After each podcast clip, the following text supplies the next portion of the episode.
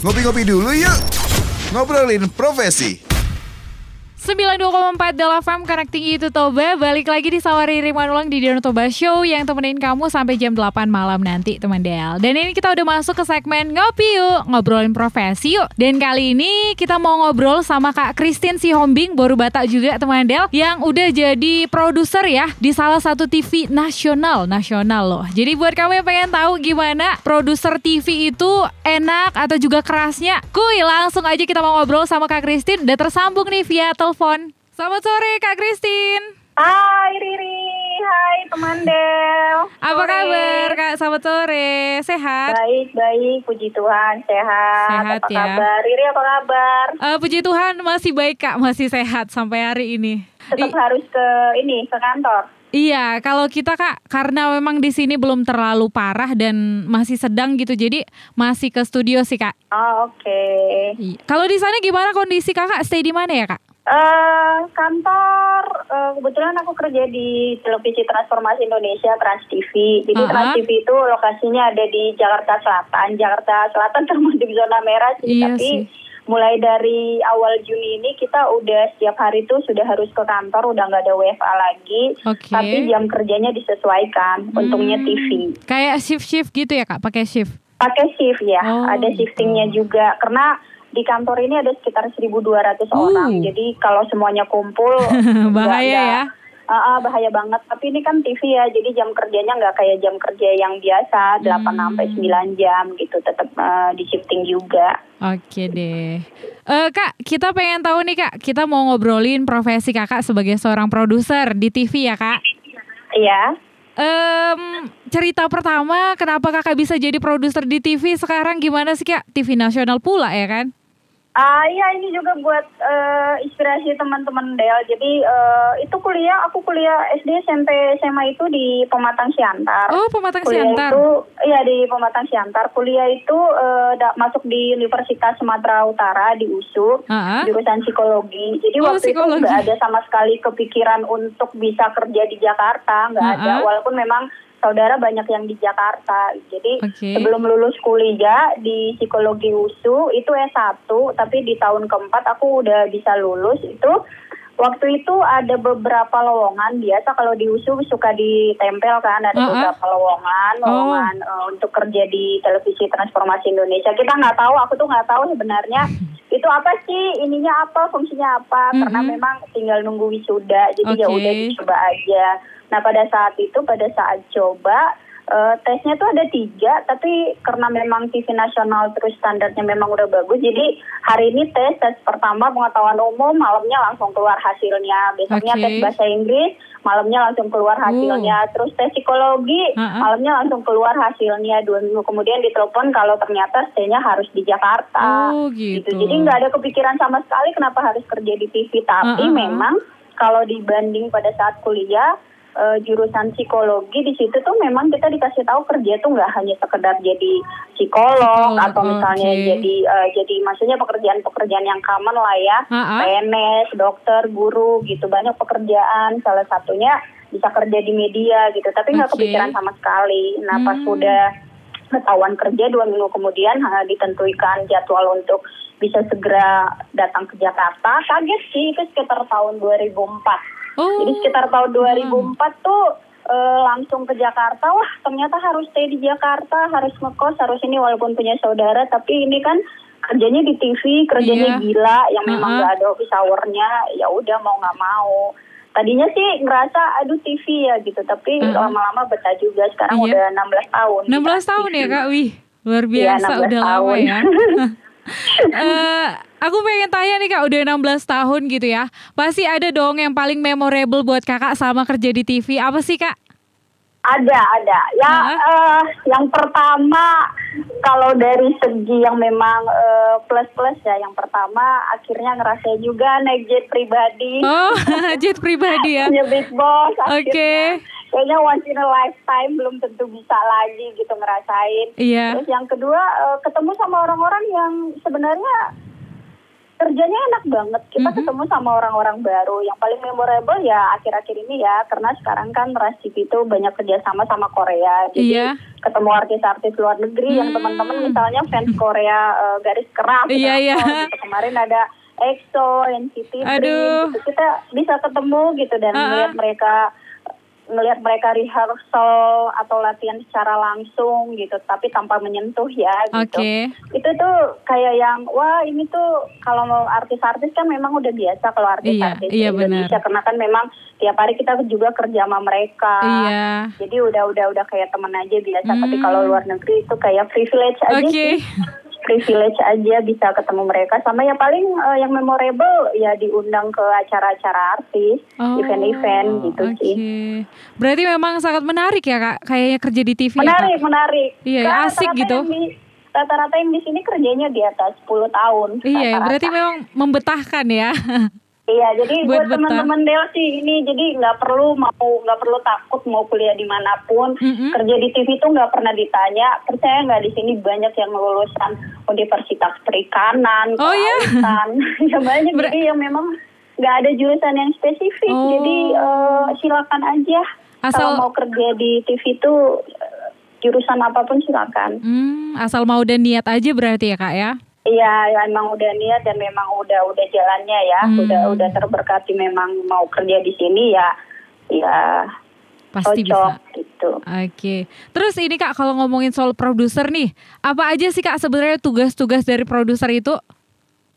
Produser itu adalah dia orang yang bertanggung jawab terhadap satu program. Mhm. Jadi prosesnya itu kalau kalau secara kalau kita eh, rangkai kata-kata terkesan sulit ya dalam artian oh ya harus ciptain program, harus bikin Iya. program gitu. Tapi emang bener sih ketika pelaksanaannya produser itu kita tuh yang mengatur eh, sebuah program. Jadi misalnya Hmm. nih eh, Rumpi No Secret gitu itu under Iya. aku, Oh. Feni Rose. Jadi mulai dari proses pembuatan kita tidak berbicara ketika programnya sedang dibuat ya, tapi Mhm.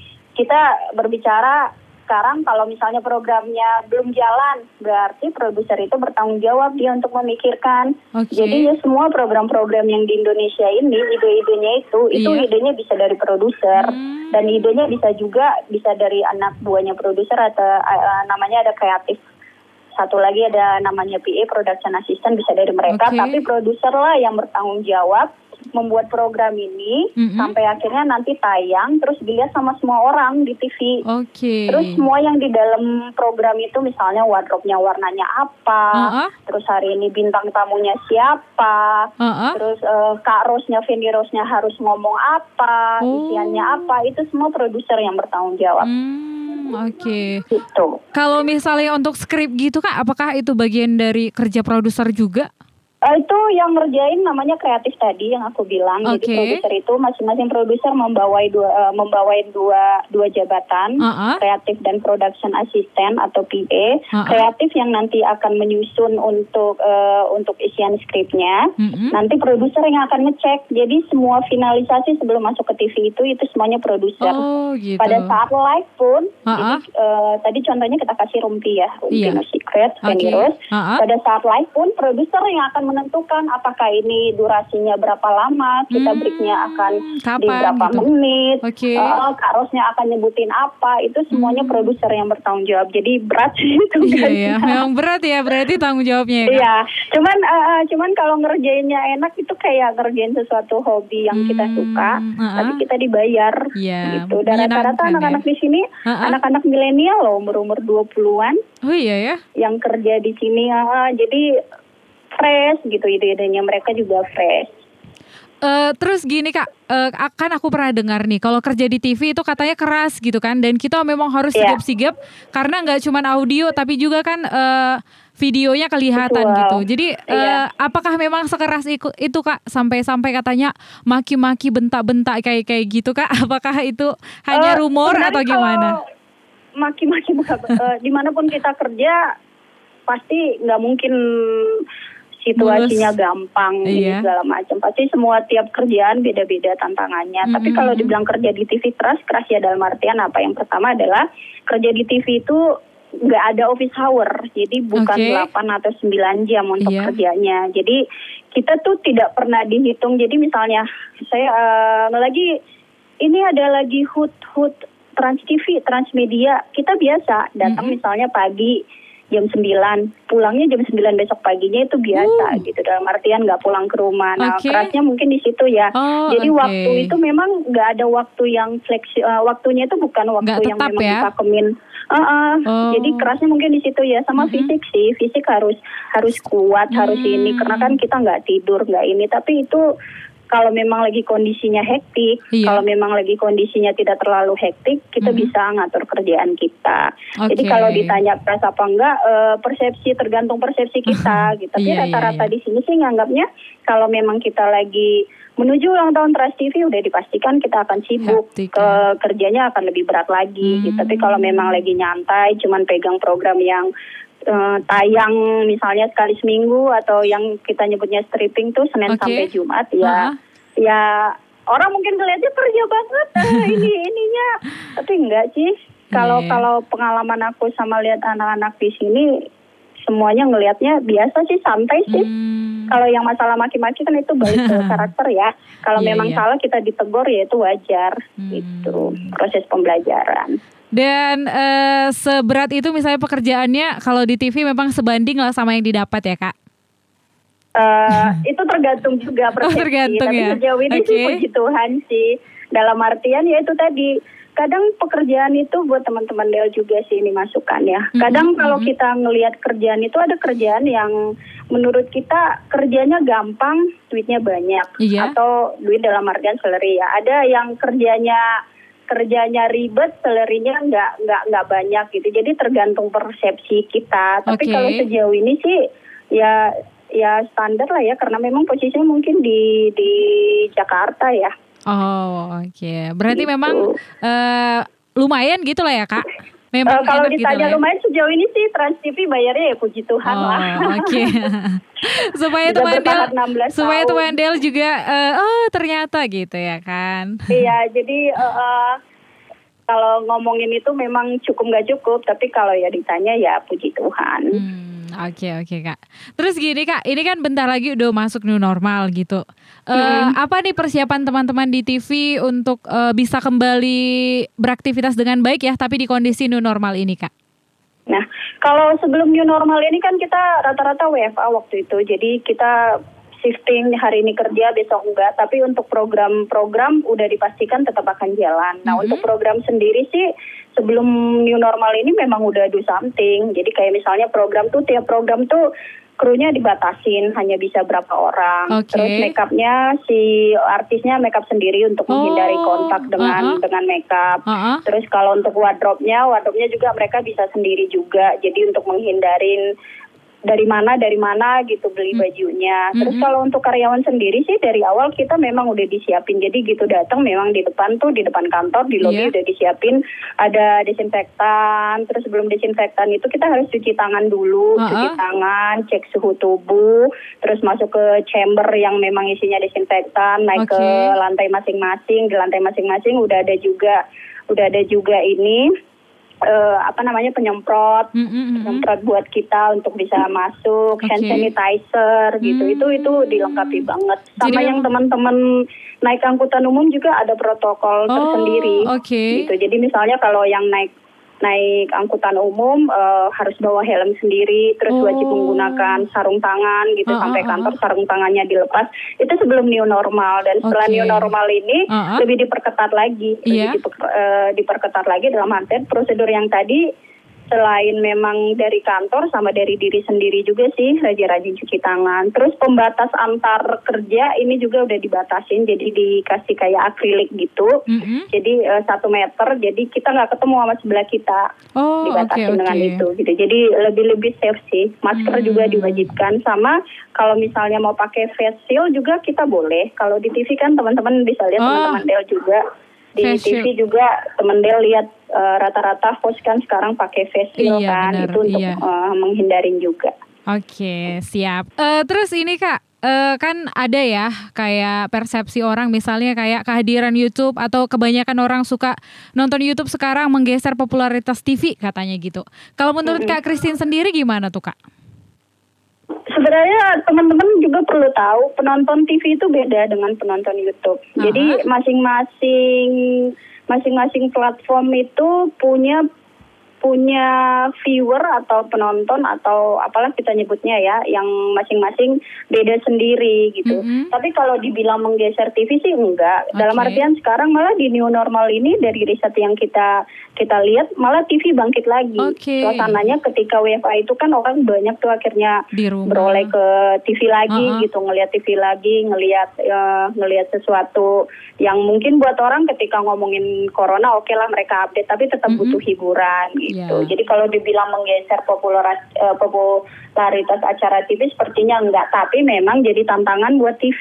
Hmm, iya, Gimana benar-benar. caranya supaya Tetap- penonton TV tetap bertambah Mm-mm, mm-mm, gitu. Ya mungkin salah satu caranya kita memang pakai kontennya YouTube. Iya, Kayak benar-benar. sekarang tuh kita pakai Savana, Savana Irfan Hakim. Uh-uh. Kita lihat dia di YouTube ternyata YouTube-nya itu termasuk tujuh besar tujuh besar dunia untuk kategori animal, Oke. animal gitu, YouTube yang animal gitu. Mhm. Terus kita tarik ke TV dan Oh. memang secara rating share juga bagus. Jadi Mhm. penonton YouTube-nya dapet, penonton TV-nya juga Oh. nambah. Itu yang kita siasatin. Dan dia pun YouTube-nya otomatis naik karena secara global kan, Mhm, mhm. secara eh, serentak gitu di TV di seluruh Indonesia ngeliat, terus ngeliat YouTube-nya lagi. Jadi saling kerjasama. Oke, berarti memang harus ini juga ya Kak, pinter-pinter ngelihat peluang dan berinovasi ya. Iya. ha. Oke, ini Harus. tadi Kak, kita mau cerita tentang jenjang karir di TV nih Kak. Gimana sih Kak jenjang karir di TV? Oh ya jenjang karir di TV untuk Trans TV sendiri nggak perlu takut. Mhm. Eh, awal-awal sih ngerasa ya ampun anak daerah gitu Mhm. sampai Jakarta tuh ya ampun teman-temannya lulusan Australia, Iya. lulusan Amerika gitu yang eh, atau ITB gitu, eh, UI sempet sih ngerasa aduh gitu. Agak Tapi ternyata gitu. enggak sih Mhm. untuk teman-teman Del once kita udah punya kemampuan kita udah udah nggak perlu ditanya lagi kamu asalnya dari mana kuliahnya di mana sekolahnya di mana IPK-nya di mana itu udah Mhm. udah nggak berlaku lagi Oh. Berlaku dalam artian memang pada saat kita cari kerja itu berlaku gitu Mhm. tapi kalau untuk di dunia kerja pengalaman aku sih kita hanya ya dilihat kamu bisa kerja apa enggak Hmm, gitu Nah kalau oke. untuk di TV sendiri karena awalnya memang dari kreatif kan, jadi Uh-uh. kreatif, kreatif itu adalah kalau di jenjang karir nomor nomor satunya dulu gitu. Oke. Dari kreatif nanti ketika kita bagus kita akan naik jadi associate producer. Hmm. Eh, d- sorry dari kreatif itu senior kreatif dulu, jadi kreatif yang senior naik Oke. ke associate producer. Associate producer itu adalah produser muda. Oh gitu, produser muda. produser muda. Jadi aku tuh empat tahun udah langsung jadi associate producer. Oke. Terus habis itu dari associate producer eh, naik lagi promosi jadi produser. Produser Uh-uh. itu kita anggap adalah produser senior ya, yang Oke. sudah pegang berapa program. Kalau associate producer dia masih pegang satu atau dua Satu, program oke. gitu. Tapi kalau produser tuh dia memang produser senior. Mm-mm. Nanti akan naik jadi eksekutif produser. Oh. Nah eksekutif produser ini dia akan membawahi beberapa produser Heeh. Gitu. Jadi misalnya satu eksekutif produser dia bisa pegang Mhm. empat atau lima produser atau enam atau Oh, tujuh.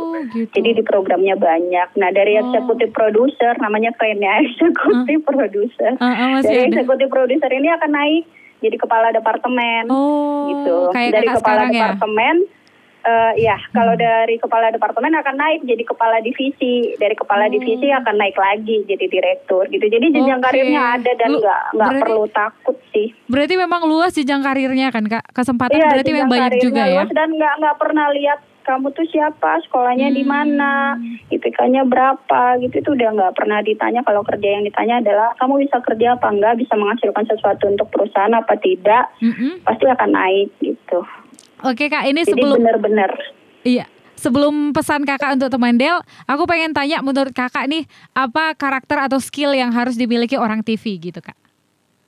Yang pertama harus kreatif. Kreatif. Kreatif dalam artian kita harus bisa berpikir misalnya orang berpikir kalau A disatukan dengan B hasilnya adalah C itu adalah pemikiran yang common yang biasa. Tapi orang kreatif Mhm. itu harus bisa berpikir ketika A disatukan dengan B bisa jadi X, Hmm. Y, Z, G, H itu namanya kreatif gitu. Jadi kita bisa berpikir itu harus lebih dari orang lain sama Mhm. inovatif. Inovatif itu dalam artian ya kita harus bisa menemukan ide-ide dari mana pun, dari Mhm. YouTube, dari media sosial atau lagi ngobrol kayak gini bisa juga ada ide-ide itu yang paling terutama kreatif Oke. dan inovatif inovatif sama attitude lah ya attitude yang common lah Oh. memang kita harus harus harus Betul, baik harus Mm-mm. bisa Eh, oh ya satu lagi kita ketemu sama banyak orang kalau kerja di TV jadi Iya. harus pinter membawakan diri Oke, berarti Itu juga. gaya komunikasi juga harus bagus ya kak? Iya gaya komunikasi Hmm. ah, karena program itu kan kita presentasiin Iya. ke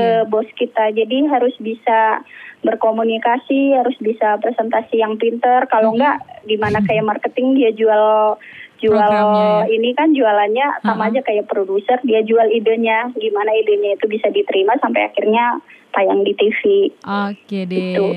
Dan yang terakhir kak Kris, ini apa Iya. apa pesan kakak untuk teman Del yang lagi dengerin kita sekarang nih? Oh iya untuk eh, teman Del intinya adalah kamu mau kuliah di mana pun lulusan apa pun gitu belajar Mhm. yang mm, rajin udah pasti ya belajar Iya. yang rajin yang keras sama satu lagi kalau misalnya kamu pengen kerja di mana pun Mhm. ya dikejar sampai sebisa mungkin gitu. Nggak nggak ada yang mustahil sih.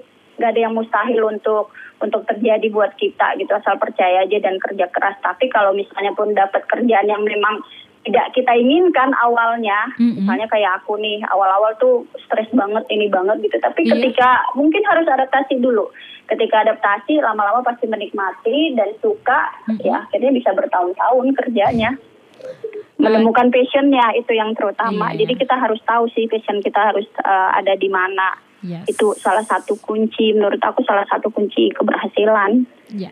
Oke deh kak, terima kasih banyak untuk inspirasinya, udah Iya. Sama-sama, share Riri. banyak hal. Iya, thank you teman Del. Iya, sama-sama kak, semangat terus. Sukses ya buat Danau Toba Show ya. iya kak, Del. FM. Iya kak, thank you. Nah itu dia teman Del. Wah, jadi secara nggak langsung kita jadi tahu ya bisa bayangin gimana haptiknya kerja di TV ya kan. Jadi memang sebanding juga teman Del kerja kerasnya dengan yang didapatkan. Jadi semangat apalagi kamu yang punya passion ya kan kerja di TV. Kuy, tetap kejar cita-cita kamu, jangan menyerah. Itu dia untuk obrolan kita di Ngopi Yuk hari ini tentang seorang produser. Pastinya minggu depan kita bakal balik dengan narasumber kece lainnya. Makanya kamu jangan ke mana-mana, tetap stay tune cuma di Della Fem. Ngobrolin profesi di Danau Toba Show bareng Riri Manulang Setiap Jumat jam 6 sore cuma di 92,4 Del FM Connecting you to Toba.